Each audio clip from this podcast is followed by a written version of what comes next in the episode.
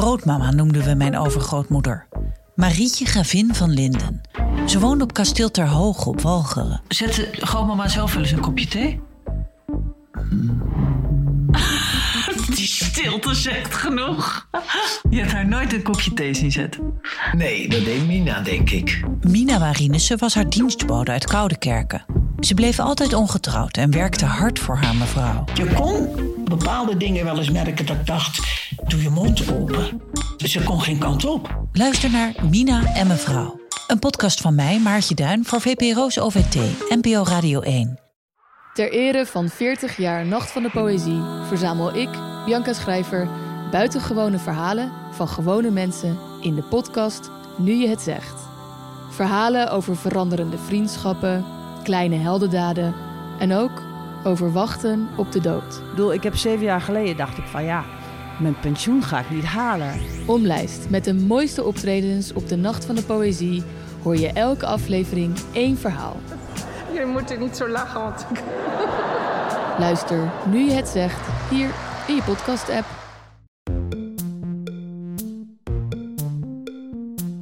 Hallo daar, fijn dat je luistert naar Boeken FM. Heb je een vraag voor ons? Stuur dan een mail naar boekenfm.dasmag.nl. En we zijn ook te vinden op Instagram, boekenfm. Wil je nou nooit meer een aflevering van ons missen? Abonneer je dan nu in je eigen podcast-app. En geef ons ook vooral een heleboel sterren en recensies. Dan zijn we ook zichtbaarder voor anderen die ons misschien willen luisteren. Dus, dus toen ik 19 was en ik hielp wel eens iemand met een kort verhaal of zo. Oh, is de editor. Ehm, Hallo allemaal en welkom bij Boeken FM, de literaire podcast van de Groene Amsterdammer en uitgeverij Das Mag. Ik zeg hallo allemaal, maar onze bezetting is uh, gestaag aan het afnemen. Vandaag bij mij aan tafel een gapend gat en een leeg Twix-papiertje, uh, een mandarijn, uh, Joost de Vries en Merel Borst. Welkom. Dankjewel. Hoi. Of moet ik zeggen, hello chaps. Here we are then. Uh, waarom ik dat zeg zal weldra duidelijk worden. Uh, Joost, over wie gaan we het vandaag hebben? Hadden natuurlijk vorige keer hebben we die aflevering gemaakt over monsters. Um, en dat was een, een, podcast over Claire Deder's boek over hoe we naar kunstenaars kijken, hoe we naar kunst kijken, hoe we naar de romans van grote schrijvers kijken. Wat eigenlijk maakt dat iemand een grote schrijver is en uh, waarom dat soms een heel subjectief is. En of per definitie subjectief is. En waarom we van sommige kunstenaars of schrijvers het heel vreselijk vinden als ze het vreselijke mensen blijken te zijn. En van andere kunstenaars het geen probleem vinden. Ja, en een, een van de mensen die ze als voorbeeld noemt, is dan iemand die eigenlijk onaantastbaar is, omdat hij zo geniaal wordt bevonden. En dat was toch een man waar we het al wel eerder over hebben gehad in een podcast, waar we toch nooit helemaal ons aan hebben gewaagd. En nu heb je, had jij toch zin om hem te bespreken. Nu dachten van, we moeten het maar eens doen. We moeten het maar eens over Ernest Hemingway hebben. Ernesto. Ernesto. Ernesto. Zoals ze hem daar in Pamplona noemden waarschijnlijk. Ja, en, en Hemingway is natuurlijk zo'n figuur die... Ja, ik denk dat als je je ogen dicht doet en aan zeg maar, het clichévoorbeeld van de grote schrijver denkt, dan kom je bij Hemingway uit. Ik bedoel, het is gewoon... Kijk, een van de redenen dat hij zo gecanoniseerd is, is denk ik dat iedereen die ooit vijf minuten met hem in een lift heeft gestaan, heeft daar een memoir over geschreven. Je hebt gewoon zeker in die naoorlogse generatie uh, dat ongeveer alle jonge schrijvers door hem beïnvloed waren op, op alle mogelijke manieren. Uh, je hebt nog steeds in, in Florida, volgens mij, of, of in Chicago, waar hij vandaan komt, heb je van die Hemingway lookalike wedstrijden. Ik bedoel, het is, het is helemaal een archetype geworden. Ja, en dus vrij onlangs, of nou tien jaar geleden of zo, is er nog die film verschenen met Owen Wilson. Owen Wilson. En Over Owen Wilson die terug in de tijd gaat om met Ernest Hemingway te chillen. En toen hebben ze ook een soort hele sexy acteur gecast als Ernest Hemingway. Ze zijn ook niet voorbij die Nee, nee, nee. Want je hebt een paar jaar geleden had je ook nog de film uh, uh, Hemingway en Gellhorn. Oh ja. Waarin um, Clive Owen, ook een behoorlijk knappe man met goede snor, uh, Hemingway speelt. En dan speelt Nicole Kidman uh, speelt Martha Gellhorn. Dat was zijn derde vrouw, geloof ik. Beroemde oorlogsjournaliste. Oh, ik snap dat wel. Want en er was heel, veel, ook heel veel sexy times uh, tijdens de Spaanse burgeroorlog. uh, maar hij wordt door Dederer aangestipt als, als iemand die zich eigenlijk vooral heeft misdragen. Ja, en, en dat misdragen, dat, dat manifesteert zich op een aantal manieren. en eigenlijk, kijk, klassiek moet je zeggen, je moet bij het begin beginnen. En Hemingway eh, kwam uit een redelijk uh, goede familie in, in uh, Oak Park, Illinois. Dat is een soort van rijke buitenwijk van Chicago. Zijn vader was arts. En toen is hij vrijwilligersdienst gaan doen tijdens de Eerste Wereldoorlog. Heeft hij heel veel meegemaakt. Hij was voor het Rode Kruis was hij ambulancechauffeur. Dus hij heeft, ik weet niet hoeveel, hoeveel stervende, gewonde, dode mensen moeten opschrapen uh, aan dat Italiaanse front, geloof ik. Klopt. Daar is hij behoorlijk getraumatiseerd door geraakt. Um, en toen is hij korte verhalen gaan schrijven. En die verhalen die gelden zo'n beetje als de beste korte verhalen die er zijn. En dat is grappig. Ik ben een paar jaar geleden, of tien jaar geleden denk ik, was ik in New York. En toen was een hele grote tentoonstelling in de Public Library. Waarin je dan precies de gedrukte verhalen kon zien en zijn manuscripten. En, en um, hij stond er bekend om, Hemingway, dat, dat is een soort van ook inmiddels een voor de hand liggende theorie, maar dat is de ijsbergtheorie. Dus dat als, als lezer kreeg je altijd maar een het topje van de ijsberg te zien. En alle Daarom trauma's en alle spanning en alle dingen uh, die die personages drijven, die krijg je niet te zien. Maar je moet ze wel kunnen voelen. En in die public library kun je dus heel tof zien bij allerlei verhalen dat je dat hij echt de helft van de zinnen wegstreepte. Dus je hebt uh, is het nu aan Hills Like White Elephants te denken waarschijnlijk? Ja, Hills Like White. Ja, dat is een heel bekend verhaal over een man die zijn, zijn dochter of zijn, zijn, vrouw aan het overtuigen is om een uh, abortus te plegen. Ja. En er zitten allemaal van die zinnen in die een beetje emotioneel zijn. Dus die vrouw heeft het hele over the three of us. Ja. Uh, uh, over zichzelf, hem en, en het ongeboren kind. En dat, dat streept hij allemaal weg. Ja, dat streept hij allemaal weg. En je hebt ook, hij heeft heel veel verhalen geschreven over uh, Nick. Dat was dan zijn stand-in, als het ware. En dat was dan zijn eerst jeugdverhalen. En later komt Nick terug uit de oorlog. En zijn vader is arts. En dan heb je een paar van die hele bekende verhalen. Dat hij dan, die, die vader dan iemand ziet overlijden in zijn handen. En dan gewoon alle gevoelens worden weggestreept. En dan, dus, dus er zijn dan zeg maar tien zinnen waaruit gevoelens spreken. En uiteindelijk blijft er ja, negen weg en eentje blijft staan. Waardoor je als lezer de hele tijd dat gevoel hebt van... Uh, er is veel meer aan. Je voelt gewoon dat er heel veel aan de hand is dat niet gezegd wordt. Wat interessant dat hij ook echt op die manier werkte met wegstrepen. Ik ja. nam aan dat zijn proza gewoon vanzelf zo staccato Nee, het was, wel iemand die er heel hard aan werkte. En het was grappig, want na de oorlog, uh, na de Eerste Wereldoorlog, bleef je heel lang plakken in, met zijn eerste vrouw. bleef je heel lang plakken in Parijs. En dat was een echte prijs dat gewoon James Joyce er nog rondliep. Hij was goed bevriend met James Joyce. En eigenlijk deed hij een soortgelijk iets als, als Joyce. Joyce, de grote Ierse modernist, um, schreef een aantal van boeken. En zeker Ulysses is de bekendste, waarin hij met een soort uh, stream of consciousness werkt. Dus je volgt alle gedachten. Maar bij Joyce is dat heel bloemrijk. En met heel veel krullen en zinnen die niet ophouden. Maar bij Hemingway is het allemaal kort gestreept. Maar dat zie je dus in dat proza. We gaan straks dat dingen voorlezen uit The Sun Also Rises. Um, ja, dan zie je dus gewoon dat hij heel erg soms van de hak op de tak lijkt te gaan. Maar dat heeft dus het effect dat je, het effect dat je wel aanvoelt dat die bepaalde gevoelens of gedachten, zo'n hele handeling door, ja, de hoofdpersoon draagt ze de hele tijd met zich mee. Dus, dus zeker in die eerste fase, toen schreef hij uh, The Sun Also Rises, dat was in 1926, enorm succes. Daarna kwam hij Farewell to Arms. Dat wordt ook gezien als een van de grootste oorlogromans. Uh, waarin hij heel veel van zijn eigen ervaringen verwerkte en zijn eigen uh, ja, uh, slachtofferschap stopte. Over een grote liefde met een frontverpleegster, toch? Ja, met een frontverpleegster, ja. En in het echt, um, in het echt gaf ze hem, stuurde ze hem een Dear John letter echt in de categorie van... hey, ik zie je eigenlijk meer als een broertje dan uh, gewoon echt het ergste. Ik vind het ook heel lief dat je Hemingway... weet je, je ziet hem voor je als een enorme man... die alleen maar met safaris en jagen en, en vissen op hele grote merlijnen en zo. Dat je die dan een Dear John letter stuurt van je bent meer een broertje. En in het boek gaat ze dood. En dat is echt... Ik weet nog dat ik dat boek voor het eerst las. Uh, Feral to Arms. Dat heeft iets monotoons. En dat werkt zo naar het einde toe. En dat is gewoon vreselijk. Het is echt vreselijk. Heel, heel indrukwekkend gedaan. En ook, het wordt de hele tijd niet benoemd. Dus die vrouw die is op een gegeven moment aan het bevallen en daarbij overlijdt ze. Catherine heet ze. En hij gaat bijvoorbeeld de hele tijd, en dat valt je pas op als je erop let ongeveer. Hij gaat de hele tijd zou hij gaat de hele tijd naar de kantine en dan gaat hij zuurkool eten. Weet je, op een gegeven moment denk ik van wacht, dit is nu al de vijfde keer dat hij een bord zuurkool aan het. Dus, dus alleen op zo'n manier wordt het je duidelijk dat iemand gewoon helemaal aan het instorten is. En, en nou, gewoon The Sun Also Rises. In het Nederlands heet het En de zon gaat op. Ja, dat klinkt een stuk lulliger eigenlijk. Wat is vertaald een, door W.A. Fik Luchten. Ingewikkelde naam. naam. Ja. Eh, Het is en, een en, citaat uit Ecclesiasten. ja, Eh, ja, de Bijbel. ja, Maar wa- wat, wat ik dus... Sorry, want volgens mij wilde ik daar naartoe, maar ik ben weer veel te veel aan het praten. Dus als ik het nadeel als, als, als Ellen er niet is, dan voel ik me...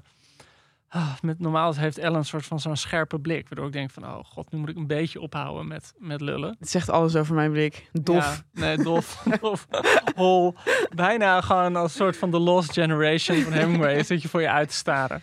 Hij was zelf helemaal niet eens met dat eh, citaat. Hè? Hij, hij, hij heeft het wel voor in de Sun Also Rises gezet. Dat citaat over The Lost Generation van Gertrude Stein. Eh, maar hij heeft dat alleen erin gezet, beweert hij zelf, eh, eh, om dat citaat uit de Bijbel tegen, te, tegen in te werpen. Ja. Of zo. Want hij vond dat zij ja, dus de Lost Generation moet je zeggen, dat gaat dan over de generatie die na de Eerste Wereldoorlog kwam of die had meegemaakt en eigenlijk gewoon een beetje murf geslagen uit die oorlog kwam en weinig ambities hadden, weinig geloof in grote idealen. Ehm, zo moet je denk ik zien. Maar, maar, Ja, maar zij zei, wat hij daar later over zei is... Gertrude Stein was gewoon een, iemand die heel graag klaagde. En dit was gewoon weer iets voor haar om over te klagen. En voor de mensen die gewoon onderdeel van die generatie waren... voelde dat helemaal niet als een specifiek soort tijd. Ja, dat kan ik me ook wel voorstellen dat dat... Nee, maar ik bedoel, als we het meteen over het boek hebben, ik vind dat ook niet echt een Lost Generation op een bepaalde manier. Maar goed, we kunnen het zo over hebben. Maar, Ja. maar je moet je dan voorstellen, dan, hij wordt dus een wereldberoemde schrijver, al heel jong. Vervolgens doet hij ook heel veel journalistiek nog steeds. Dus hij gaat naar allerlei, hij gaat naar China toe, gaat naar de Spaanse burgeroorlog toe. Tijdens de Tweede Wereldoorlog reist hij mee eh, aan het Amerikaanse front in Europa. Zijn films worden, zijn boeken worden verfilmd. Eh, hij krijgt allemaal bekende vrouwen. Hij wordt gewoon de bekendste Amerikaan die er is. En eigenlijk gaat het na de oorlog mis, als het ware. En dat, is wel heel veel beschreven. In de zin dat hij wel echt steeds meer in zijn eigen mythe gaat geloven. Als hij, hij werd echt gezien als de He-Man van de Amerikaanse letteren. Eh, en dat, zo ging hij zichzelf ook gedragen. En hij begon ook, weet je wel, op, op, een, op een cliché manier over zichzelf na te denken. Te praten. Die boeken, zeker Across the River and Into the Sea. ehm, of Across the River heet het gewoon. En, eh, maar die Old Man and the Sea zijn bijna een soort, ja, alsof iemand Hemingway nadoet. Alleen hij doet zichzelf na. En eh, ja, dat Dus was ook- vind jij dan echt zo het laatste goede boek? Want ik heb het idee dat je...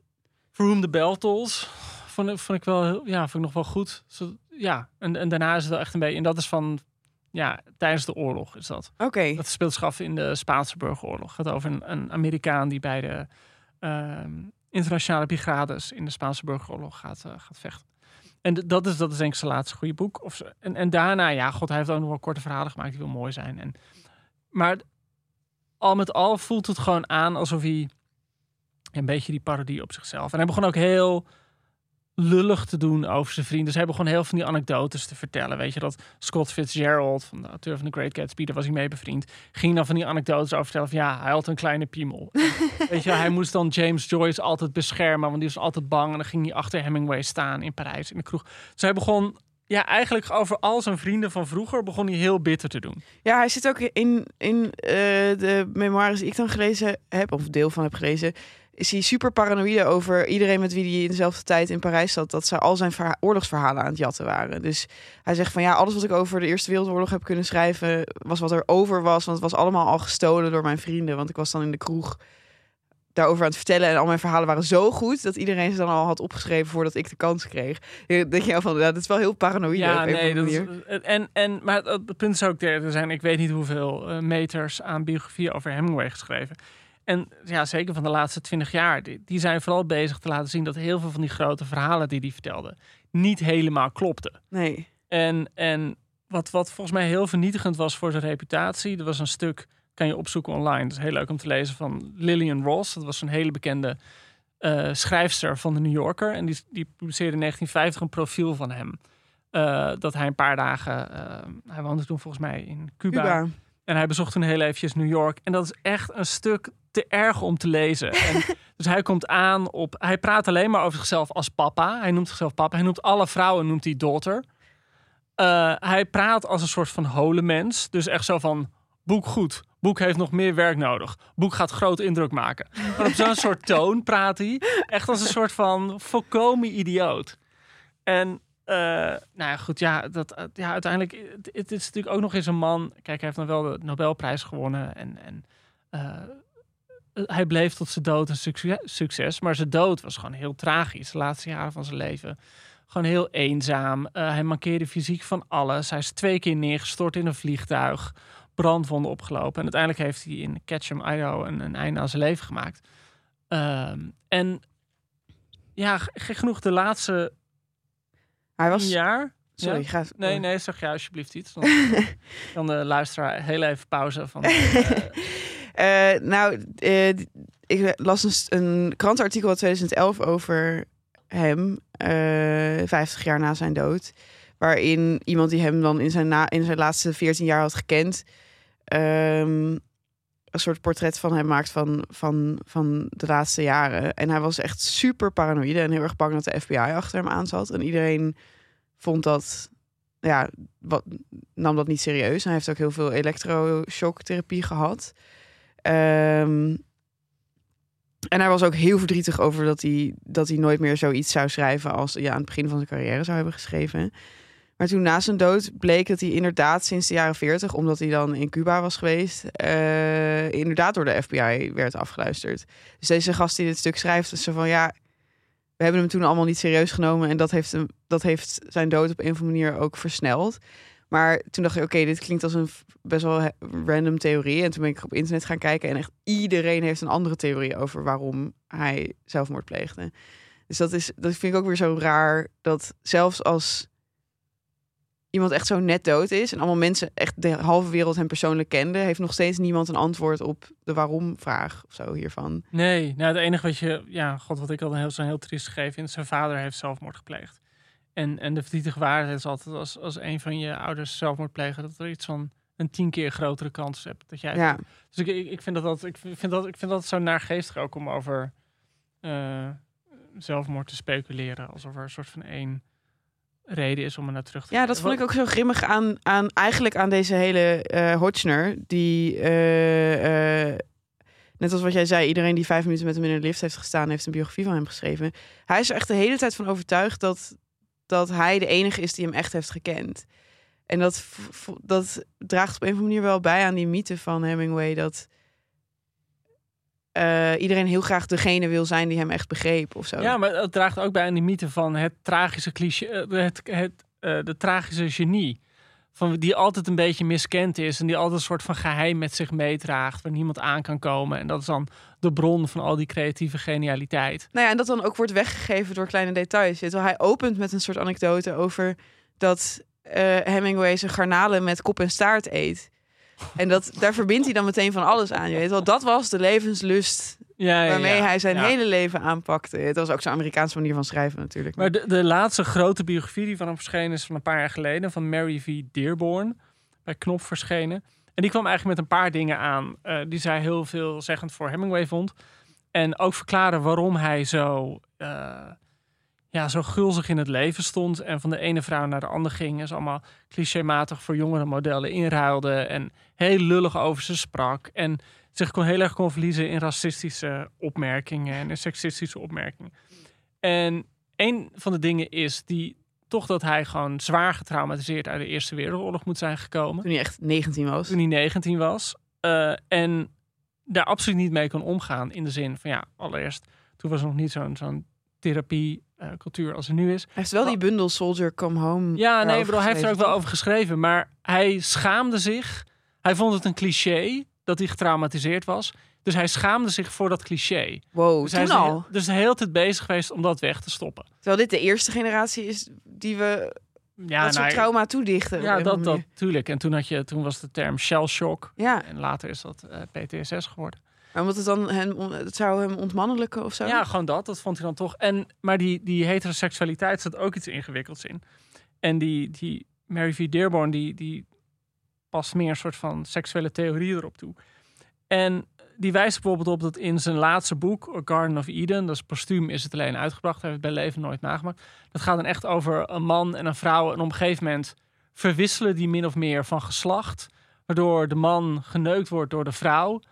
En uh, als je dan met die blik, hij, hij leek heel erg seksueel toe aangetrokken door androgyniteit. Dus ook als je door die boeken heen gaat kijken, elke keer als hij, eh, of heel vaak als hij een vrouw beschrijft hoe knap ze is, noemt hij de jongensachtig. Dus al zijn vrouwen op wie die valt hebben kort haar en Ja. hebben jongensachtige voorkomens. Ja. En, en, en er is ook zo'n suggestie dat er iets enorm.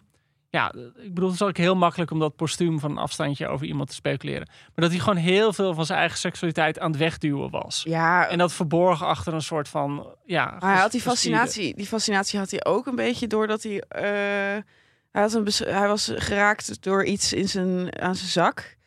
En hij heeft eigenlijk op, op eh, Een zak. ja, hoe noem je dat? Ja. Zijn scrotum. En, en eh, eh, heeft net niet de hele boel verloren. En heeft toen op de urologische afdeling gelegen van zo'n veldziekenhuis. Waar een heleboel jongens lagen die wel hun hele zaakje kwijt waren geraakt. Daar was hij ook enorm door gefascineerd. Daar heeft hij ook dat personage eh, in Son Also Rises ja, op gebaseerd. Barnes. Ja, maar er zijn dan ook weer van die verhalen van... ja, hij groeide op met alleen maar zussen... en zijn moeder liet zijn haar lang groeien en maakte er vlechtjes in. Bedoel, het, het heeft ook iets heel... Weet je wel, het, het- ja, je kan natuurlijk zo'n heel leven als biograaf... als je er zin in hebt, kan je zo'n heel leven toepraten... naar één complex. Of, Maar jij was het dus niet eens met die lezing nou, ik vond het wel heel interessant. En, en eh, gewoon, kijk, het, het is zo opvallend met zo'n Hemingway. En daarom is die, die reputatie van hem zo dubieus geworden. Het is echt iemand die een icoon van zichzelf gemaakt heeft. En heel duidelijk bepaalde eigenschappen gigantisch heeft opgeblazen. Ja, En je kan bijna altijd denken dat als, er, als iemand zo nadrukkelijk iets wil opblazen... dan is het bijna alsof je denkt van... hé, hey, ben je er dan niet onzeker over? Ja, maar dat zou dan voor een heleboel andere dingen ook gelden. Wat is dan dat hele ding van hem dat hij beweert dat hij met dieren kan communiceren? Hij kon inderdaad, dacht hij, met dieren... Dat hij, hij dacht dat hij dan met circusberen kon praten. En ja, hij, hij was een vrienden geworden met een beer. Dat is toch- ja, wat ben je dan aan het verhullen? Af. Nee, dus ja, dat was, eh, eh, ja, dat was Hemingway voor je. Ja. Nee, hij, is ook zo, hij beweert ook altijd dat, dat hij aan Farewell to Arms is begonnen nadat hij op een avond in de kroeg met een leeuw had geworsteld. Dat er gewoon een gast altijd naar die kroeg kwam met een leeuw. En dat hij toen die leeuw de kroeg uit heeft gegooid. En dat hij toen eindelijk de moed vatte om aan dat boek te beginnen. Dan denk je toch echt van, dit is toch gewoon niet waar. Ik had precies hetzelfde met, met mijn eerste boek. Dat is een chimpansee trouwens. en een chimpansee zo bam op je neus. Nee, ja, In de pels. eh, het is gewoon... eh, ja, het is gewoon een man... Ja, wat moet je zeggen? Het is gewoon een man. Het, is, gewoon een hele, het is gewoon een hele feilbare man die van zichzelf iets probeerde te maken dat, dat larger than life was. En Laat ik je vertellen hoe hij op mij overkwam. Gewoon als mensen in deze wereld en deze eeuw. Ja, Eh, eh, de jongens met wie ik studeerde en die graag schrijver wilden worden, die bootsten allemaal heel slordig dit proza na. Ehm, dus, dus toen ik 19 was en ik hielp wel eens iemand met een kort verhaal of zo. Is de editor. Ehm, dan was het altijd zo van dat hele spaarzame proza, waar dat, dan, wat dan zogenaamd veel betekenend was, maar Ja. waar dan heel weinig onder zat. Ja. En dan dacht ik altijd van ja, maar jullie hebben allemaal niet de oorlog meegemaakt. Nee. Eh, dus, en jullie hebben ook niet gerend met de stieren en zo. Dus, gedronken met een beer. eh, of inderdaad gevochten met een leeuw. Dus daarom is het zo leeg. eh, het Hemingway proza niet door Hemingway geschreven. Dus, dus mijn overtuiging was altijd van oké, dit is iemand die toevallig heel goed is, omdat hij gewoon een hele vette shit heeft meegemaakt. Ehm, Nou, dus ik begon er nooit echt aan. Ik had alleen een Movable Feast gelezen, omdat ik Oké. vond het leven in Parijs dan wel eh, interessant. Eh, eh, maar, maar, maar de Sun Also Rises had ik nooit opgepakt, want ik dacht, ja, dat stierenvechten, dat kan me echt gestolen worden. ja. Dus ik had het nu voor het eerst gelezen op jou. Oh, ik dacht, ik, ik, had geen idee dat je het nog nooit gelezen had. Nee, ja, ik moest, oh, sorry. moest, eh, daarom moest ik even dat snel inhalen de afgelopen twee dagen. Ehm, maar ik vond het echt veel beter dan ik had verwacht. Ja, maar goed, ik, ik denk wel dat je moet zeggen... Hemingway, wat hij met stijl heeft gedaan... was wel echt volledig nieuw. Ik bedoel, dat, dat staat buiten kijf. Dat hij voor de eerste was die zo onderkoeld leerde schrijven... en zo die emoties terugdrong. En zo niet, met, niet elke zin met een krul eindigde... maar juist Ja. alles zo strak en onderkoeld mogelijk hield. Dat Ja. was echt, echt revolutionair op een gekke Ja, manier. het is niet wat je voor je ziet als iemand zegt... oh, iemand was enorm aan het innoveren met stijl. Want dat, Nee, dat nee, zeggen ze ook ja. over Gertrude Stein natuurlijk. En dat is echt heel ingewikkeld. Tenminste, ik vind dat helemaal niet leuk om te lezen.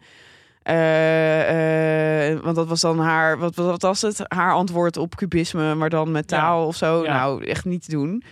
Maar eh, dit... is wel heel, heel mooi. Gewoon en heel, en heel menselijk en zo. Terwijl ik dacht van nou, dat, hele, dat hele gedoe met die ijsberg had ik ook al gehoord. En dacht ik, oh, ja, maar, dan- goed, ja, dat, dat, maar dat is soms ook het probleem. Vind je dat niet dat als je dan gewoon die ijsbergtheorie is natuurlijk gewoon een enorme cliché, omdat we het al honderd jaar kennen. Maar ja, we kennen het omdat hij dat ooit bedacht heeft. Ja, Ik bedoel, ik weet nog dat ik een keer voor de Groene iets van Freud moest lezen. Dan denk je alleen maar, ja, hè, hè, hè, hè. Maar ja, dat is omdat hij dat bedacht heeft ooit. ja. Ehm, dus nou, hij was echt een van de grote modernisten. En weet je wie ook een van de grote modernisten was? Virginia Woolf. Christ. Wat zou je nu in godsnaam gaan zeggen? En later nu net een heel fijn toneelstuk bij ITA te zien zijn. Internationaal Theater Amsterdam. De Uren, geregisseerd door Eline Arbo. En dat is het verhaal van Virginia Woolf. En het naleven van Virginia Woolf. En hoe haar bekendste boek, eh, Mrs. Dalloway, voortleeft in de levens van andere mensen verderop in de 20e eeuw. Een vrouw die denkt aan het ontsnappen aan haar gezin en aan haar huwelijk. Of een man tijdens de AIDS-crisis in New York. En ze allemaal inspiratie putten uit de figuur Virginia Woolf. En eigenlijk het oeuvre dat ze heeft gemaakt. En het is echt een waanzinnig mooi stuk met Marieke Hebink onder meer. Daar zijn we altijd gek op. Chris Nietveld. Chris Nietveld Met een hoedje op. ook altijd met een gek op, met of zonder hoedje. En eh, dat is te zien. En daar kan je naartoe. En we nodigen jullie van harte uit daar naartoe te gaan. We moedigen jullie aan daar naartoe te gaan. Wij hebben het allemaal al gezien. Ja, met Eh, veel plezier. met heel veel plezier, dus doe dat ook. En eh, voor de speellijst kan je kijken op www.ita.nl. Eh, gaat heen, gaat het doen. Tot wanneer kunnen eh Tot mensen 12 daarheen gaan? november. Oké. Wacht even, even tussendoor. Je zegt Virginia Woolf, maar het is toch Cunningham? Eh, het is, ja, oké, het is een boek van Michael Cunningham Over... over Virginia Woolf. Ja, precies. Ja. Oké. Nee, goed. Je houdt ons scherp, Merel. Ja, ik dacht... Hij houdt ons heel scherp, maar het is een waanzinnig boek van Michael Cunningham. Eh, die heeft daar de Pulitzer mee gewonnen in Overigens hebben Ellen en Marja en ik daar een keer een aflevering over Ja. gemaakt. Over, Ja. de, over de, de hours. Dus Ja, die kunnen dus jullie ook kunnen allemaal terugluisteren. terugluisteren je Ik zou dat wel pas doen als je naar het stuk bent geweest. Want, ja, eh, daarna. Ja, anders Ja. wordt het verklapt. ja, Ja. Dan precies. verklapt het te veel. Ja, want ja, Ja. Marja vertelt daar heel veel in over hoe ze het ge- ge- ans- geanceneerd hebben. Eh, dus eh, blijf nieuwsgierig. Ga naar het stuk. Oké, en luister de aflevering terug. Ja. Dankjewel, Merel. Graag gedaan, Joost. Eh, hoe ver zijn we? Moeten we nu een vraag doen of moeten we Nee, ik gewoon... denk naar- dat jullie nu even... over het boek moeten oké. praten. Ja. Oh, ik wou trouwens nog iets zeggen. Een kleine, een kleine correctie voor mensen die ons misschien live hebben gezien tijdens onze honderdste aflevering. Of mensen die de aflevering hebben teruggeluisterd. Daarin ging ik eh, enorm af, omdat ik dacht dat Herman Melville Dat was echt mijn favoriete was. moment. Van die honderd afleveringen was dit een van mijn favoriete momenten. Ja, ik deed het speciaal voor jou. dat Joost. het Ik- gewoon dit is zoals ik ook. beroemde beginzinnen. Ja, En toen zei jij, kom hier Oh, ja. snel. ja oké. Ik dacht gewoon heel even dat Herman Melville dezelfde persoon was als Ernest Hemingway. Het is dus maar goed dat deze Dat aflevering maken. gekund, denk Ja, de eerste zin is veel langer van The Old Man and the Sea. Ik heb hem even opgezocht. Het was: He was an old man who fished alone in a skiff in the Gulf Stream, and he had gone 84 days now without taking a fish. Ja, het is nog bijna goed. Ja. Want wij, hadden, wij hadden het er toen even over. Toen zei ik, wat is dan de eerste zin van The Old Man and the zei je, ja, he was an old man. dat is het dus echt. Het is gewoon ook een redelijk goede school. Ik bedoel, had, had ik moeten gokken voor The Sun Also Rises, dan had ik gezegd... The sun also rose today. Ja, I wouldn't put it past him. Het had eerst anders geheten? Fiesta. ja, in, het, in de, de Engelse editie, dus de, je hebt de Amerikaanse editie, de Engelse editie heet wel Fiesta. Oh, dat wist ik Ja. niet. Ik ken alleen deze versie. Ja, The Sun Also Rises. Wil jij iets vertellen waar het over gaat?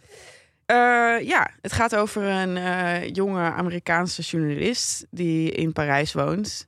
Eh, Jake. En Jake is een soort Hemingway surrogaat, want die was natuurlijk ook een jonge Amerikaanse journalist die in Parijs woonde.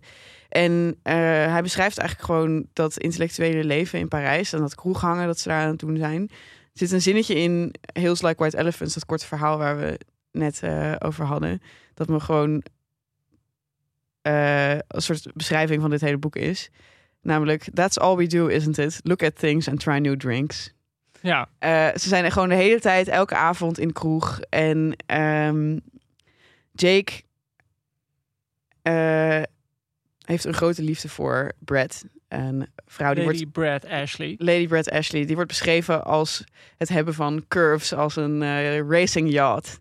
Eh, dus zij, ja, een formidabele vrouw gewoon. Hij houdt van haar, maar zij is van niemand. Je weet wel, zij is van iedereen. Ze gaat nu weer trouwen met een man waar ze eigenlijk niet van houdt. Ze is al getrouwd geweest, daarom is ze Lady Ashley, want ze is getrouwd geweest met een duke of zo. Ja. Ehm, en het is heel pijnlijk, want eh, hij kan eigenlijk niet met haar naar bed, want zij, hij is zijn zaakje verloren in de oorlog.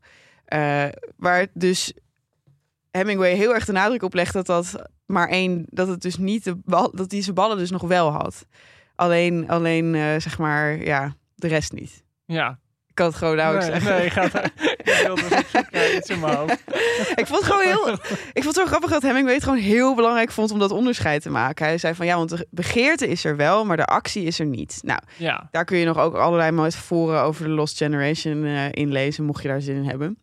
Ehm, maar een groot deel van het boek speelt zich af niet in Frankrijk, maar in Spanje. Want eh, Jake en zijn vrienden eh, gaan naar het rennen van de stieren in Pamplona. Dus daar eh, gaan ze zeven dagen in een of ander baganaal. Ja. eh, dat traditionele feest. Voor een spectac- spectaculaire hoeveelheid gedronken. Ja, nou, wat er allemaal Ja. wordt gesopen, echt, als je zou meedrinken, zou je Ja, na drie ja, bladzijden nee, al omvallen. Helemaal. Maar alles ook, absint, eh, zonder enige. Ze bestellen vaak twee, drie flessen wijn tegelijk en gaan dan gewoon met fles aan de, fles aan de mond. Ehm, hij was ook een grote zuiplap, eh, Hemingway. Maar goed. Eh, en in Pamplona eh, spelen zich eigenlijk al die eh, moeilijkheden in die vriendengroep worden steeds verder uitvergroot door het grote zuipen en door het weg zijn van thuis. En een tragische figuur in zijn vriendengroep is degene met wie hij het boek eigenlijk opent.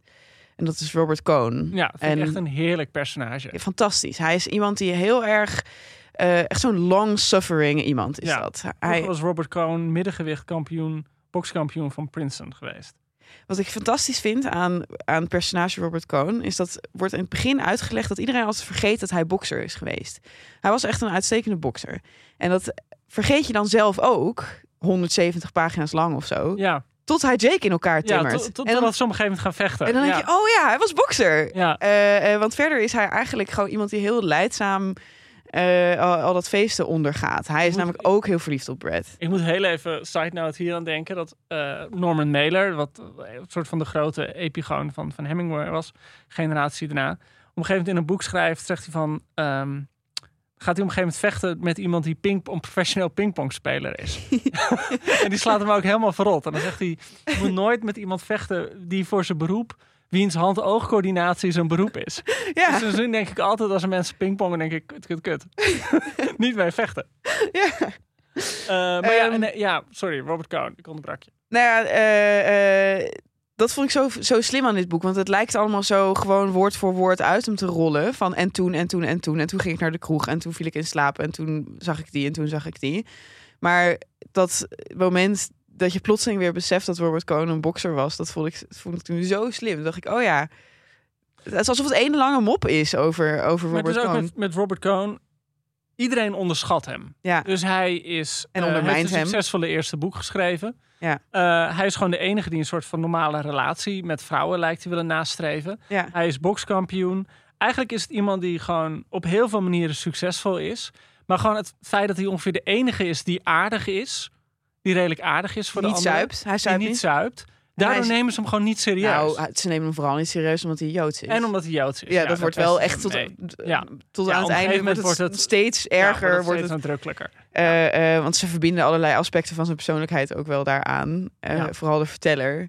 En, en hij heeft gewoon twee van die luidruchtige vrienden bij zich, Mike en Bill. Eh, en Robert kan gewoon niet tegen ze op, je weet wel. Mike en Bill en Jake zijn alle drie gewoon van die grote, eh, eh, eh, stoere zuipers die allemaal... ehm, Bijvoorbeeld, oh, dat was ook zo'n lief en ontroerend moment. Want Robert die wil zichzelf gewoon niet te kennen geven. Dus hij zegt als ze voor het eerst naar zo'n stierengevecht gaan, zegt hij, nou, ik hoop maar dat ik me niet verveel. Weet wel. En dan vervolgens wordt hij natuurlijk vreselijk misselijk van, van al die bloederige ellende. Want Ja. ik wist ook eigenlijk pas uit dit boek hoe stierengevechten er aan toe gaan. Dat ze ook daarbij gewoon paarden door midden klieven en zo. Ehm, dat hij dat dan zo ziet en dat hij zich stoer probeert te houden voor Brad. Dat Brad het eigenlijk alleen maar geweldig vindt. En al- juist dat doormidden gekliefde paard van Ja. dichtbij wil zien en zo. Dat hij daar alleen maar groen van misselijkheid zit te worden. En wa- wat er dus eigenlijk waar het misgaat, is dat Lady Brad, die dus met eigenlijk elke man die in beeld komt aanpapt, ook eventjes met Robert Cohn heeft aangepapt. En Jake vindt het van niemand een probleem dat ze met allemaal, ze houdt van hem, want hij zegt ze heel tegen hem, ze zoenen een beetje. En vervolgens gaat ze weer weg, want ze kunnen geen seks hebben. Waarop eh, Jake ook heel slim opmerkt van wat, eh, waarom Brad op hem valt, is omdat ze hem niet kan krijgen. Hij is de enige man die ze niet kan krijgen. Want ja, eh, ja, er, er is een kanonskogel eventjes te dicht tussen zijn benen geschoren. en, ehm, maar op een gegeven moment heeft ze dan heel eventjes met, met Robert Cohn aangepapt. En dat is eigenlijk het moment dat hij begint te wankelen. Ja, Dat hij het eigenlijk niet meer aan kan. Dat hij echt volgens mij zoiets heeft van als ze zelfs... en Dat, hè, dat, dat die Robert Cohn, die sukkel, die kan het wel. Ja. Die mag het wel. En Ja. ik mag het niet. ja. En dat is gewoon een van die momenten dat het langzaam Ja, het begint begint- mis te gaan. Nou, het is wel echt, echt in een van de eerste scènes is het wel al zo dat, dat Jake haar toch nog, despite himself, vraagt van, kunnen we niet toch samenwonen? Je weet wel, ondanks, ja, ondanks zo. alles. En zij is altijd echt van, oh no darling, ik ga nu met een of andere whatever fucking rijke man, ga ik nu hierheen rijden. Mag ik een stukje voorlezen? Ja, natuurlijk. Eh, ik heb hier een Nederlandse vertaling. Nogmaals van eh, de heer. Op een of andere manier ver- ver- vermoed ik de hele tijd dat er moet staan... Baron W.A. Fik Luchten. Het is een hele mooie naam. Wat staat er op jouw omslag? Ja, dit is de... de eh, ja, een stierenhoorn. Is oh, denk zo'n ik. Matadors cape. Ja, in zo'n cape. Of een toreador, is weer wat anders.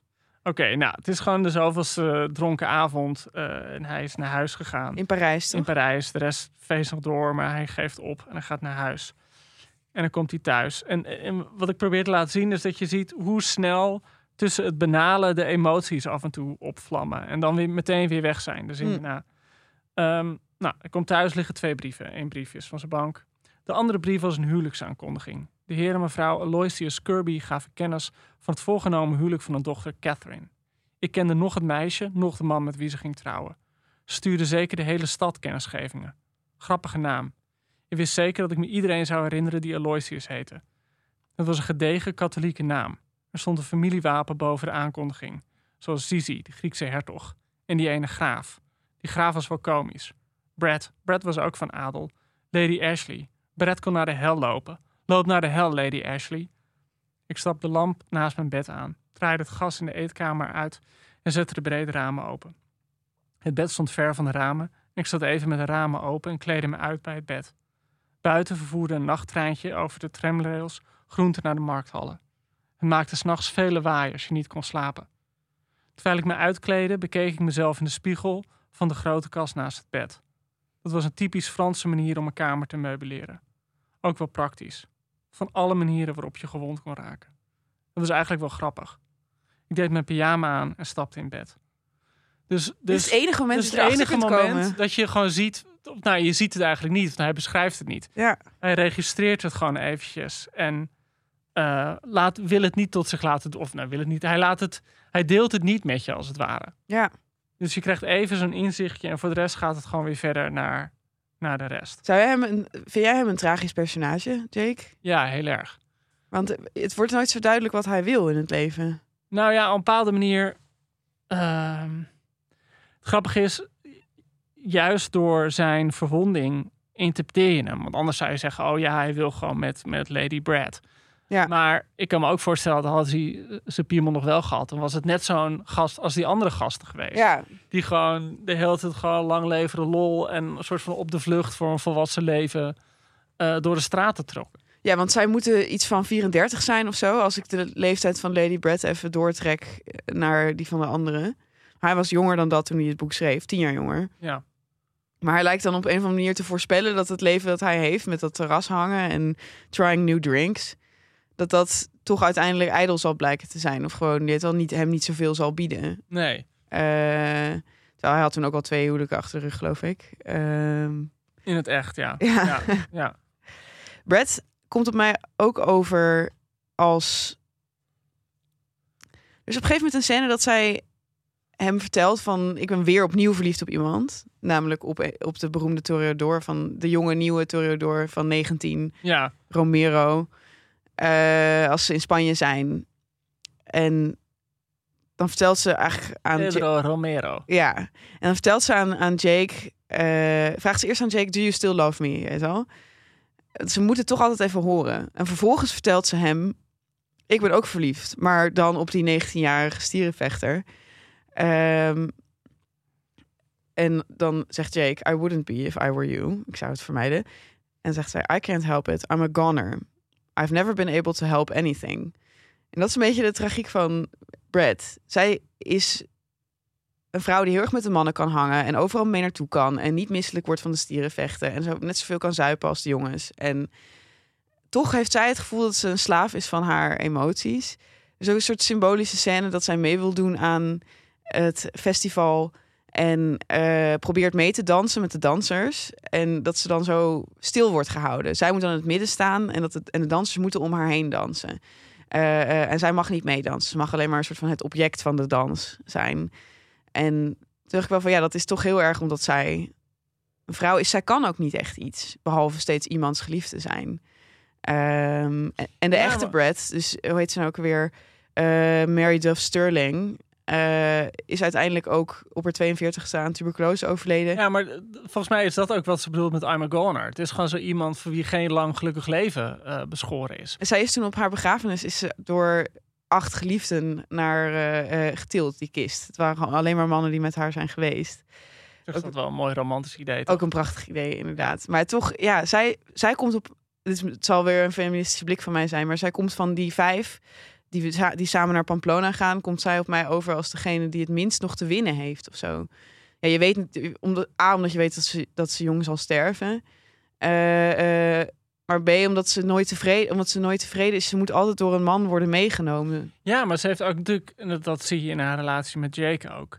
eh, ze moet elke man veroveren. En dat Ja. betekent niks, want ze is niet daadwerkelijk in die mannen geïnteresseerd. Maar zij moet wel het object van hun liefde en hun lust zijn. Ja, En dat is natuurlijk gewoon zoiets, ja, dat, dat hou je niet 50 jaar vol, weet je wel. Dat, dat, dat, eh, daar ga je niet gelukkig oud mee worden. ja, het wordt wel diepzinniger op het moment dat zij, dat zij zegt van... eh, hè, ik ben al 34. Als ik het nog even volhoud, dan hoef ik nooit moeder te worden. En dat is wel goed ook, want dan hoef ik niet zo'n bitch, bitch mother te worden.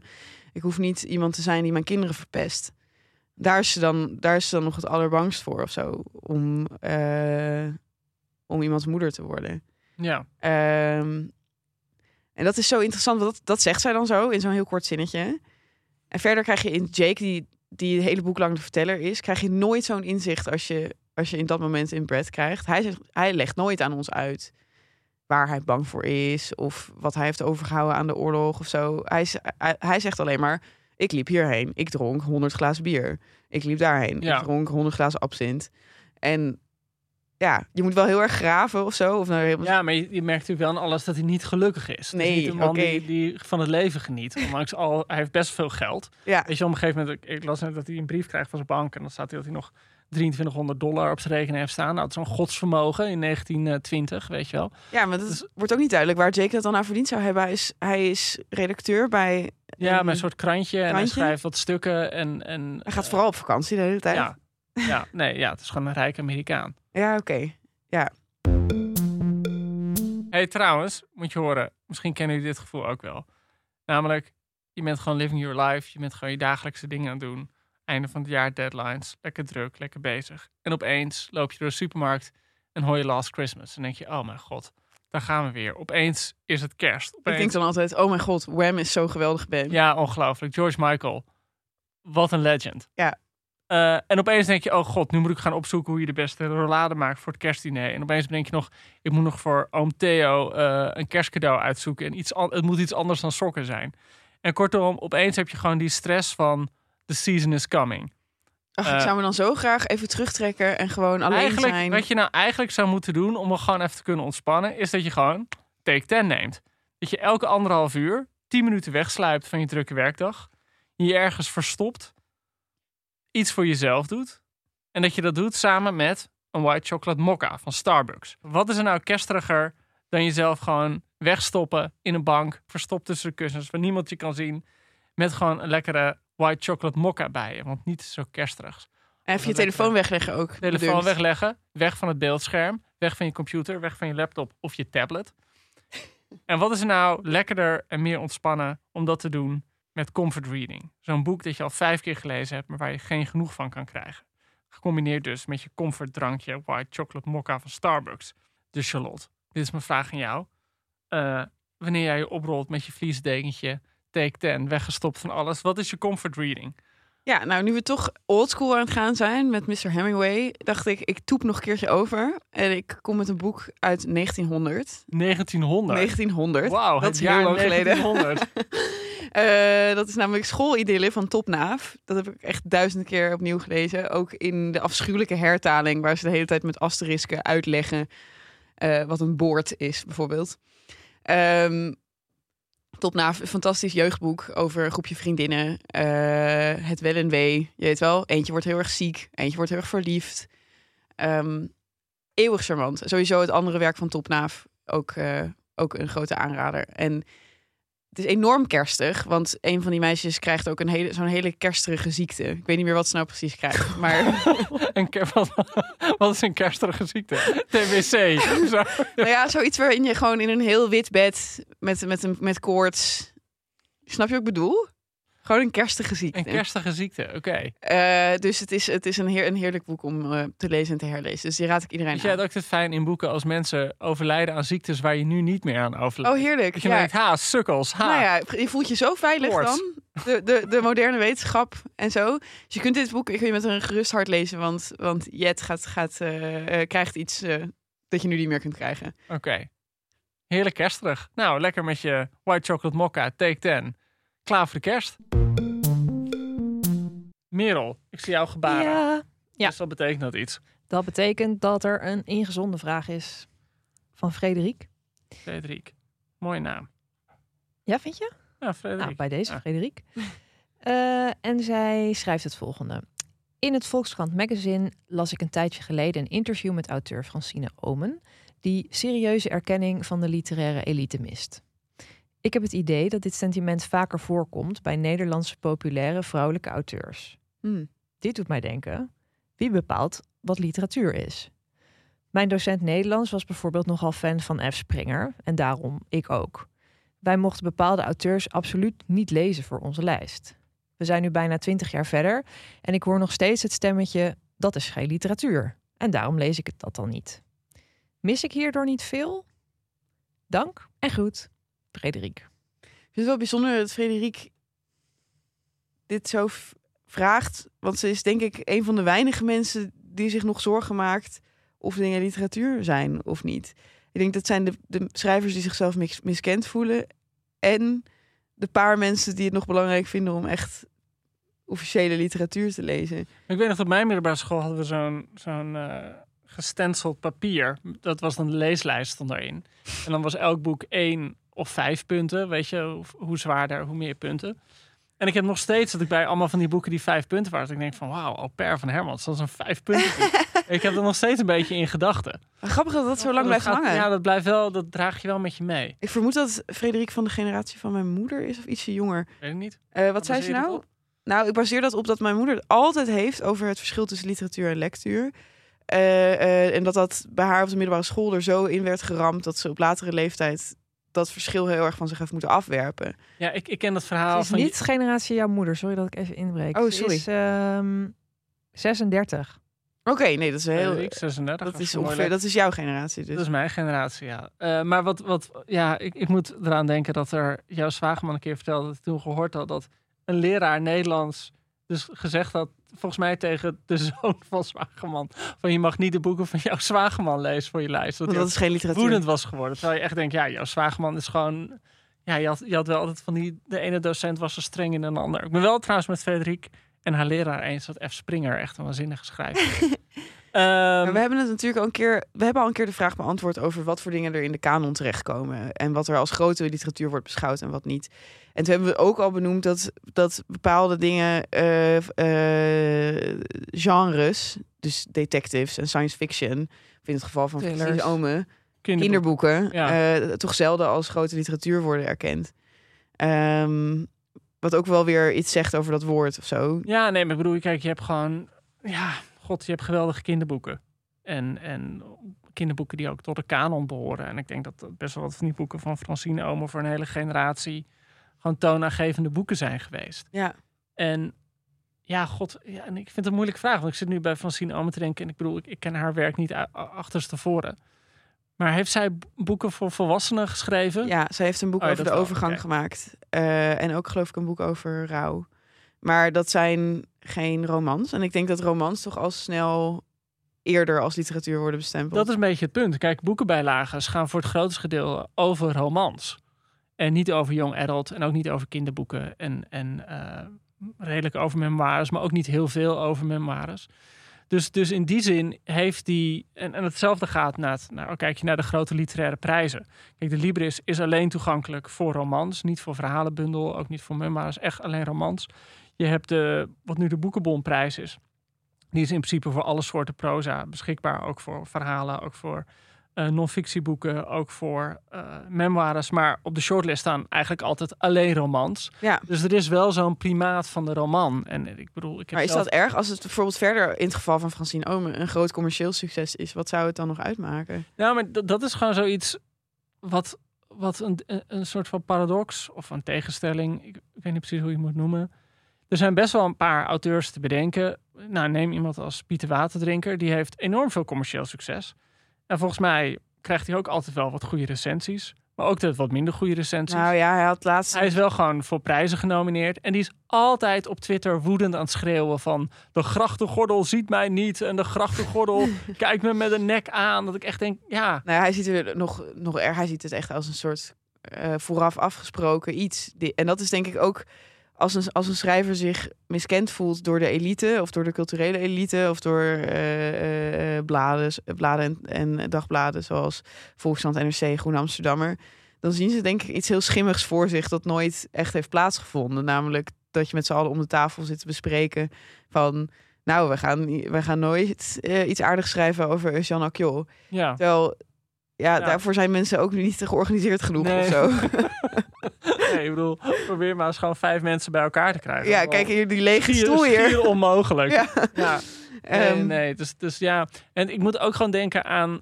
En niet om, om uh, Francine Omen nu met eh Arnold Karskens te vergelijken. Maar Arnold Karskens was een reljournalist die dan eh, Ongehoord Nederland begonnen is. Dat is een man die, voordat hij die omroep begon...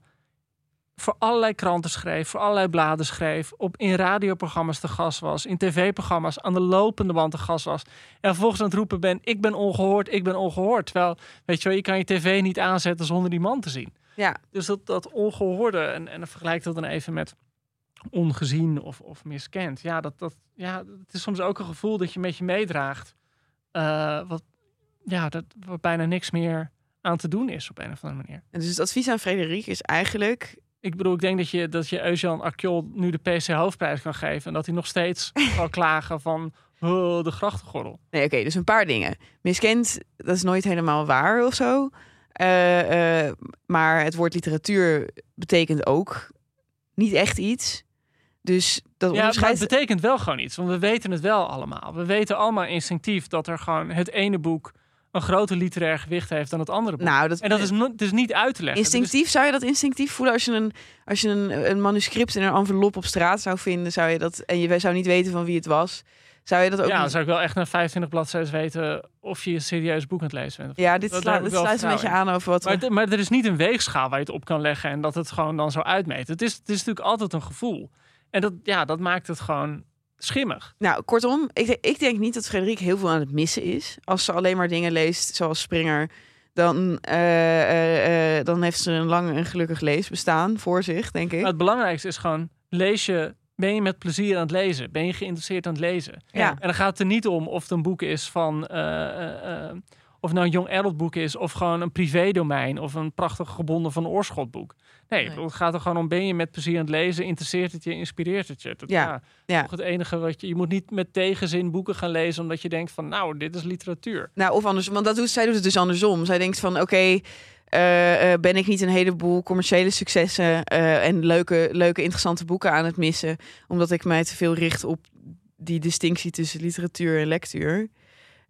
Ik denk, nee, eigenlijk. Ja, vast wel.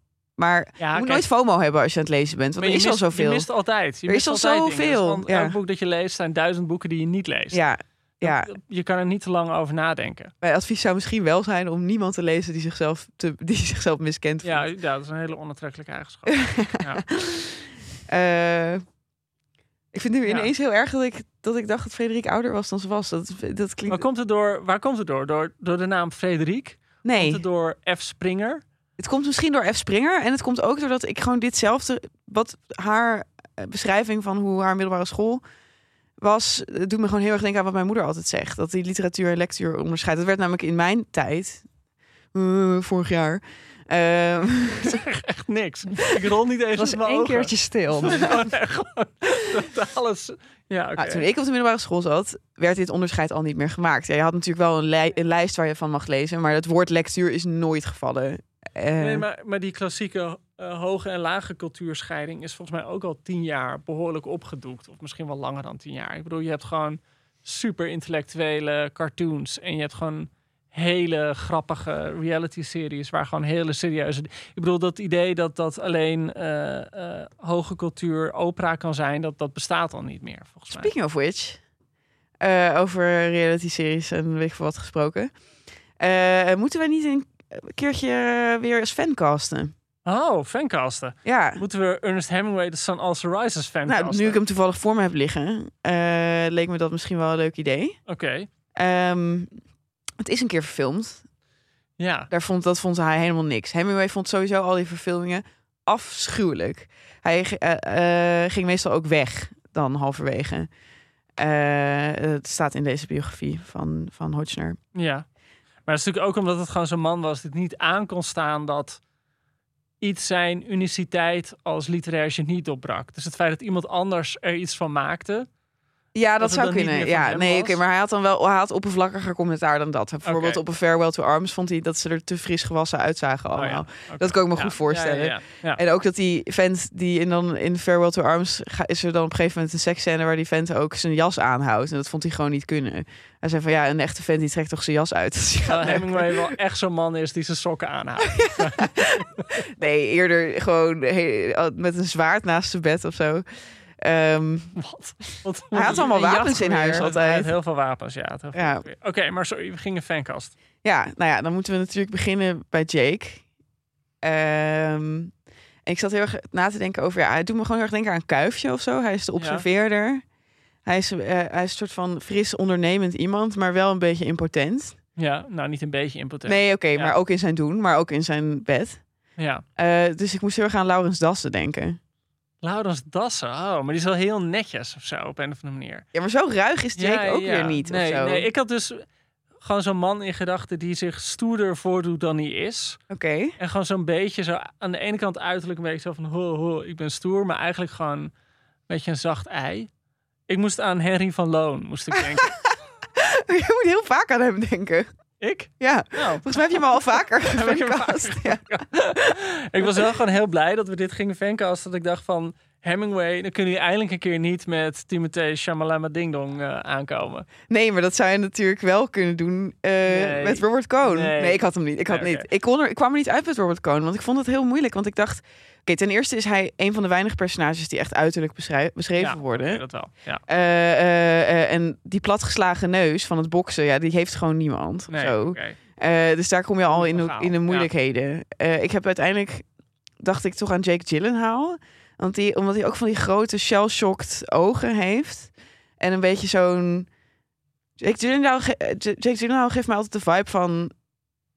Hij laat zich heel lang provoceren. Maar als hij dan eenmaal boos wordt, dan is hij een complete sadist. Ja, dan is hij helemaal psycho. Ja, dat- met hamers in. Ja, precies. Eh, eh, dus dat, dat was mijn fancast. Maar hij is te knap eigenlijk. Want, want Robert Cohn is niet knap. Nee, ik had, ik had zo iemand in gedachten die heel veel soort van titels en functies en, en eh, dingen hebt, heeft die hem heel imposant maken. En toch, als je hem ziet, denk je, hé, hey, wat een wat een Onderdeurtje. jongen. Dus ik had eigenlijk Robert Dijkgraaf in gedachten. dat is een heel sympathieke vent. Ik bedoel, onder andere omstandigheden was je dacht van hoe, hoe. Maar het is gewoon, oké. Is ook heel grappig, want hij moet zeg maar 30 zijn. Ja, oké, nee. Een jonge Robert Ja. Dijkgraaf. En ik had ook een hele jonge Lady Brad Ashley.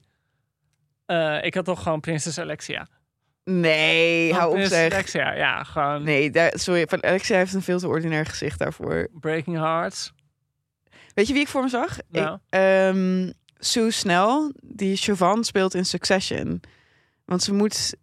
eh, Siobhan, nee, Sarah Snook. Oh, sorry. Ja, hoe is, wie is Sue Snell ook weer? Weet niet, ik ben heel benieuwd. Ik bedoel Sarah Dat is Snook. een hele goede naam. Ik bedoel Sarah Snook. Ik bedoel Sarah Snook.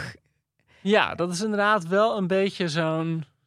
Eh, Nee, ik denk dan eerder die vrouw, als we toch met Succession vergelijken, die, ehm, die dochter van eh Naomi Pierce. Dus van dat andere mediabedrijf. ja, ja. Weet je wel, die heel getroubleerde, kookverslaafde. eh, Ja, maar Sue Snell heeft wel... of- Nou, god, Sarah waarom denk ik dit steeds? Wacht, ik ga het nu opzoeken. Ehm Sue- oh, ik weet, het is een personage uit Stephen King. Van echt, van een van die hele oude Stephen Kings is het. uit Carrie. Carrie, ja. Merkwaardig. Ik weet niet waarom ik er nu aan denk. nou ja, die alliteratie gewoon. Oké, Ja. Sarah Snook. Sarah Snook. Zij heeft wel heel erg dat de eerste introductie die we van Brad krijgen, is dat ze als een soort schip binnenkomt. Ja, En dat heb ik wel altijd bij Sarah Snook. Ze staat Ja. heel rechtop en ze is zo heel curvy. En ze heeft ook van die curvy. katachtige ogen. ja, ja. Zoals de vrouw eh, waar Brad op is gebaseerd, heeft ook heel erg. Ik heb een foto van haar opgezocht. Ze heeft ook heel erg van die katachtige ogen. Dus het is, het is een vrouw die ook gewoon heel sterk en onvermurfbaar is. En niet, en niet zo'n niet zo'n Fiona Apple-achtige drugsverslaafde.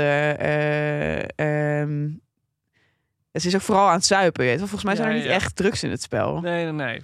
Die, die waren nog niet. Nee. Niet Ja, op een of andere manier dacht ik van, waarom zijn jullie geen drugs aan het doen? ze vallen Ja. ook steeds in slaap, omdat ze geen drugs aan het doen zijn. ja, toen vielen mensen gewoon nog in slaap. Ja. Dus gewoon, hé, hey, het is ADE. Oh ja, oké, 72 één ding wakker. tussendoor.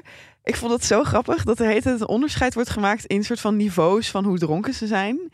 Als je echt gewoon goed dronken bent, dan ben je tight. Ja, Ik denk dat wij het zouden vertalen als teut. ja, En als ze echt, echt heel fokt op zijn, dan zijn ze blind. ja. En ze zijn nooit aangeschoten of zo. Nee, ze nooit, nee, nee. maar ik, ik, en dat vind ik wel een van de, de geweldige dingen, dat hij heel goed dronken mensen beschrijft zonder te zeggen dat ze dronken zijn. Ik bedoel, je ze merkt zeggen wel de hele tijd, I'm tight. Ja, Are you ja, tight? het is yes, ook gewoon van die eindeloos doorlopende gesprekken die ook precies zo ontsporen als dronken gesprekken. Ja, dat is echt ik moet zo, zeggen, ja. die, die gesprekken, en, en Hemingway heeft de reputatie, en dat is een van de dingen die biografen hebben over hem opgemerkt, dat zeker zijn latere werk heel serieus is en heel strak. Terwijl de brieven die hij aan vrienden schreef heel grappig waren. Oh. Eh, Hij kon heel grappig schrijven, maar dat, dat, dat deed hij zelden in. Ja. Maar dit vond ik bij Vlagen echt een heel, geestig. Ja, vooral Bill. Hij is, natuurlijk, hij is een beetje Ja. comic relief Ja, natuurlijk. heel een soort van comic relief. En ik zag bij hem voor me dat hij Philip Seymour Hoffman was. oh ja, zo- zo- Eh, eh, zoals hij was in ehm, die film met Matt Damon. Je hebt dat zo'n, zo'n, wat ik zo'n hele goede grap vind, is dat er op een gegeven moment aan, volgens mij een beeld vraagt van hoe ben je failliet gegaan? Want een van hen is failliet gegaan. ja, En dat zegt, zegt, hoe ben je failliet gegaan? Zegt ja, op twee manieren. Eerst heel langzaam, En toen heel snel. Ja. Maar hier komt ook die geweldige zin uit. eh, eh, die wordt geciteerd door Claire Dederer. Eh, dat zegt, wordt ook uitgesproken door Bill. Bill zegt, nou, er zit wel heel weinig rum in deze rum punch. Ja. En dan giet Jake gewoon wat extra rum erin. Pakt hij uit de kast in het hotel zonder het te vragen. En dan zegt Bill, ah, direct action. Always better than legislation. ja. Vond je het boek, want, want dat is natuurlijk waar het, waar het mis om gaat, of waar het mis om gaat, wat een van de dingen die, die de reputatie van Hemingway zo eh, vervormd heeft. eh, vond je het antisemitisch? Nou, ik, was, ik had me erg gewapend tegen het, het te komen antisemitisme. Eh, dus ik vond het nog meevallen. Maar vooral omdat het zo duidelijk is dat eh, Jake en Mike... Mike is de aanstaande van Brad. Dat zij een hekel aan Robert hebben. eh, vooral omdat hij met Brad is geweest. En niet omdat hij in de, in de eerste plaats omdat hij Joods is. Maar ze schuiven wel alles wat ze vervelend aan hem vinden. Schuiven ze af, af op het feit dat hij Joods is. Eh, dus het, eigenlijk is het een ongunstiger portret van Jake en Mike dan het is van Robert. Ja, dat gevoel had ik dus ook. Toch? Ze Dus zoeken, het gewoon- is- ze zoeken een stok om hem mee te slaan. Dus de personages zijn En- antisemitisch, maar ik heb niet ik, ik kreeg geen antisemitische nee, ideeën zelf hiervan. Ik had het idee dat, dat de personages gewoon op zoek zijn naar iets waarmee ze hem kunnen pakken. En dit is het enige dat ze kunnen bedenken. Want op heel veel andere manieren is hij hun de baas. Ja, Is het een beter mens? hij houdt het hoofd koel. Hij is succesvoller. Hij slaat ze ook nog eens in elkaar. Dus fysiek is hij ze ook nog Ja. eens de man. Ja, dat wordt ook heel briljant beschreven. Dat, nou ja, wat ik al zei, dat komt echt uit het niets. En je bedenkt ineens weer van, hij is eigenlijk een gevaar, die Robert. Hij kan gewoon fucking goed boksen. En dan lijkt het alsof er gewoon een heel stuk wegvalt uit de tekst. Ja. Want, en Ja, ja, ja. dan zit hij ineens in een stoel en is iemand zijn oor aan het vasthouden en eh, Jake dan. Eh, eh, dus je, hij is nokkie gegaan, maar dat wordt niet beschreven. Dus dat is dat weer die spaarzaamheid van Hemingway. Dat, dat, en tegen die tijd is Robert ook gewoon weer verdwenen. Het is Ja. ook het laatste wat we hem zien doen. Ja. Ehm, dus nee, ja, kijk, het is antisemitisch in die zin dat er antisemitische dingen in het boek staan. Maar En ik, maar ik vond het ook op een bepaalde manier. Eh, die personages zijn heel ironisch de hele tijd. En zijn de hele tijd aan het spotten. En op een gegeven moment, zeker als ze dan die antis- antisemitische dingen over Robert gaan zeggen. dan zijn ze niet meer aan het spotten. Dan worden ze heel vulgair. ja, Dus ik vind het ook alsof ze iets. Het laat eigenlijk ook zien dat zij de draad kwijtraken. Ja. En zij laten hun composure. Laten ze helemaal varen. Eigenlijk is het gewoon duidelijk, zij verliezen op dat moment. ja, ja, en hij zit alleen maar wit weg te trekken en niks Ja. te zeggen. En ja. in stilte te lijden. Oké, we moeten een beetje gaan afronden. Ja, nou, we hadden toch wel Eh, veel over te zeggen, vooral jij. Ja. oh god, ik ga gewoon een keer echt helemaal niks. Nou ja, Ja, maar weet je, die- hele pot- eens beloven dat ik niet waar kan Nee, maken. dat is, en bovendien, we hebben wel een paar afleveringen zonder jou gehad. En dan zitten Ellen en ik zo zwijgend tegenover elkaar van wat gaan we nou in godsnaam zeggen. Dus we hebben het ook heel erg nodig. Oké, fijn. Ik vind het fijn dat het nu gewoon eventjes on the record is. Letterlijk on the record. Ehm, wat is jouw totaaloordeel? Ehm, ja, ik durf bijna niet te zeggen, want ja, we moeten, Oh, we, moeten hem tegenwoordig gaan we weer. we, moeten we mogen hem niet meer goed vinden. Maar het is misschien omdat ik gewoon dacht van... oh ja, de meest onuitstaanbare mensen vinden hem fantastisch. Dus ik, ik was, dacht gewoon dat ik het niet leuk zou vinden.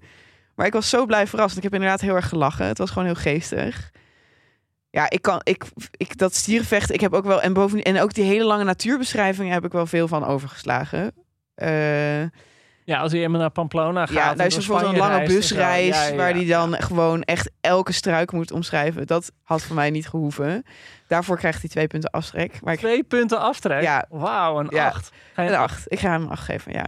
Ehm, waar ik over na zat te denken is dat hij dan op een gegeven moment eh, overweegt Jake het feit dat hij eh, zijn mannelijkheid eraf is geschoten. En dan denkt hij terug aan dat hij in een Italiaans lazeret lag. En dat toen zo'n Italiaanse commandant tegen hem zei van... oh, wat heeft u een onfortuin? Dan zegt hij, u heeft meer gegeven dan uw leven. En eigenlijk is dat niet zo. Want ik vind dat het boek gewoon uiteindelijk wel heel erg gaat om liefde... en om vriendschap en om beweging. Het leven is helemaal niet afgelopen. En, en, en ik zat die Mary Dearborn zat te lezen... en ik zat over het boek te lezen... die heel erg zo'n seksuele verklaring heeft... voor het gedrag van Hemingway. En dat ik dacht van, goh, eigenlijk laat hij... Later werd hij zo'n cliché van mannelijkheid... en zo'n cliché van eh, viriele eh, heteroseksualiteit. Terwijl dit boek eigenlijk heel mooi laat zien... dat het zo zeer... doet het er gewoon niet toe. Zijn leven van Jake, ja, oké, hij kan geen seks meer hebben. Maar het heeft best wel een rijk en vol leven, heeft hij. Ja, Dus ik vond het eigenlijk verrassend... Ja, goed aardig ook op heel veel manieren. ja, er is een moment dat hij met, na de hele fiesta aan tafel gaat zitten met zijn vrienden. Met de enige twee die er nog zijn. En zegt hij, the three of us sat at the table and it seemed as though about six people were missing. En dat is dan omdat Brad weg is eigenlijk. En dat is het enige moment dat je... Ja, ik weet niet, dat hij Ja. toegeeft hoe, hoe erg hij van haar houdt eigenlijk. En dat is zo... Hoe groot ze is in zijn Ja, leven. ja, ja, En het is zo, nou ja, subtiel gedaan, I guess. Toch die ijsberg, hè? Ja, maar ik had nog wel meer natuurbeschrijving. Ik ben altijd echt gek, gek op. Gewoon, gek- ik wil ook graag Oh altijd mensen wolken beschrijven. Wolkenvelden die voorbij zijn. gewoon een glinstering op het water. Gek op. Zoals op je paraplu. Op een paraplu, ja. Dat is echt Mooie hilarisch. Joost heeft Ja. een paraplu bij zich. Ja, en die nee. is aan de bovenkant zwart. Maar aan de binnenkant straalblauwe lucht met wolkjes. Het is eh, Magritte. Het is een schilderij van Magritte. Oh, Aan de binnenkant. Dus als je dan onder je paraplu staat, dan heb je alsnog het idee. Zon op al je wegen. Eh, ik geef het boek een 9. Nou, een mooie 8,5 voor meneer Hemingway. Eh, Ernesto. Ernesto. Ernesto. Ernesto, amigo. Eh, bedankt voor het luisteren. Eh, Ja. Bedankt Joost en Merel dat jullie er allebei waren. Bedankt Charlotte Merel. Jij bedankt. En Joost. We zijn, bedankt. they, lo- they like the way they move. Oké, Oké. en stuur jullie vragen in naar ehm boekfm.dasmag.nl. Dan eh, gaan we erover nadenken. Tot over twee weken. Joe. Doei.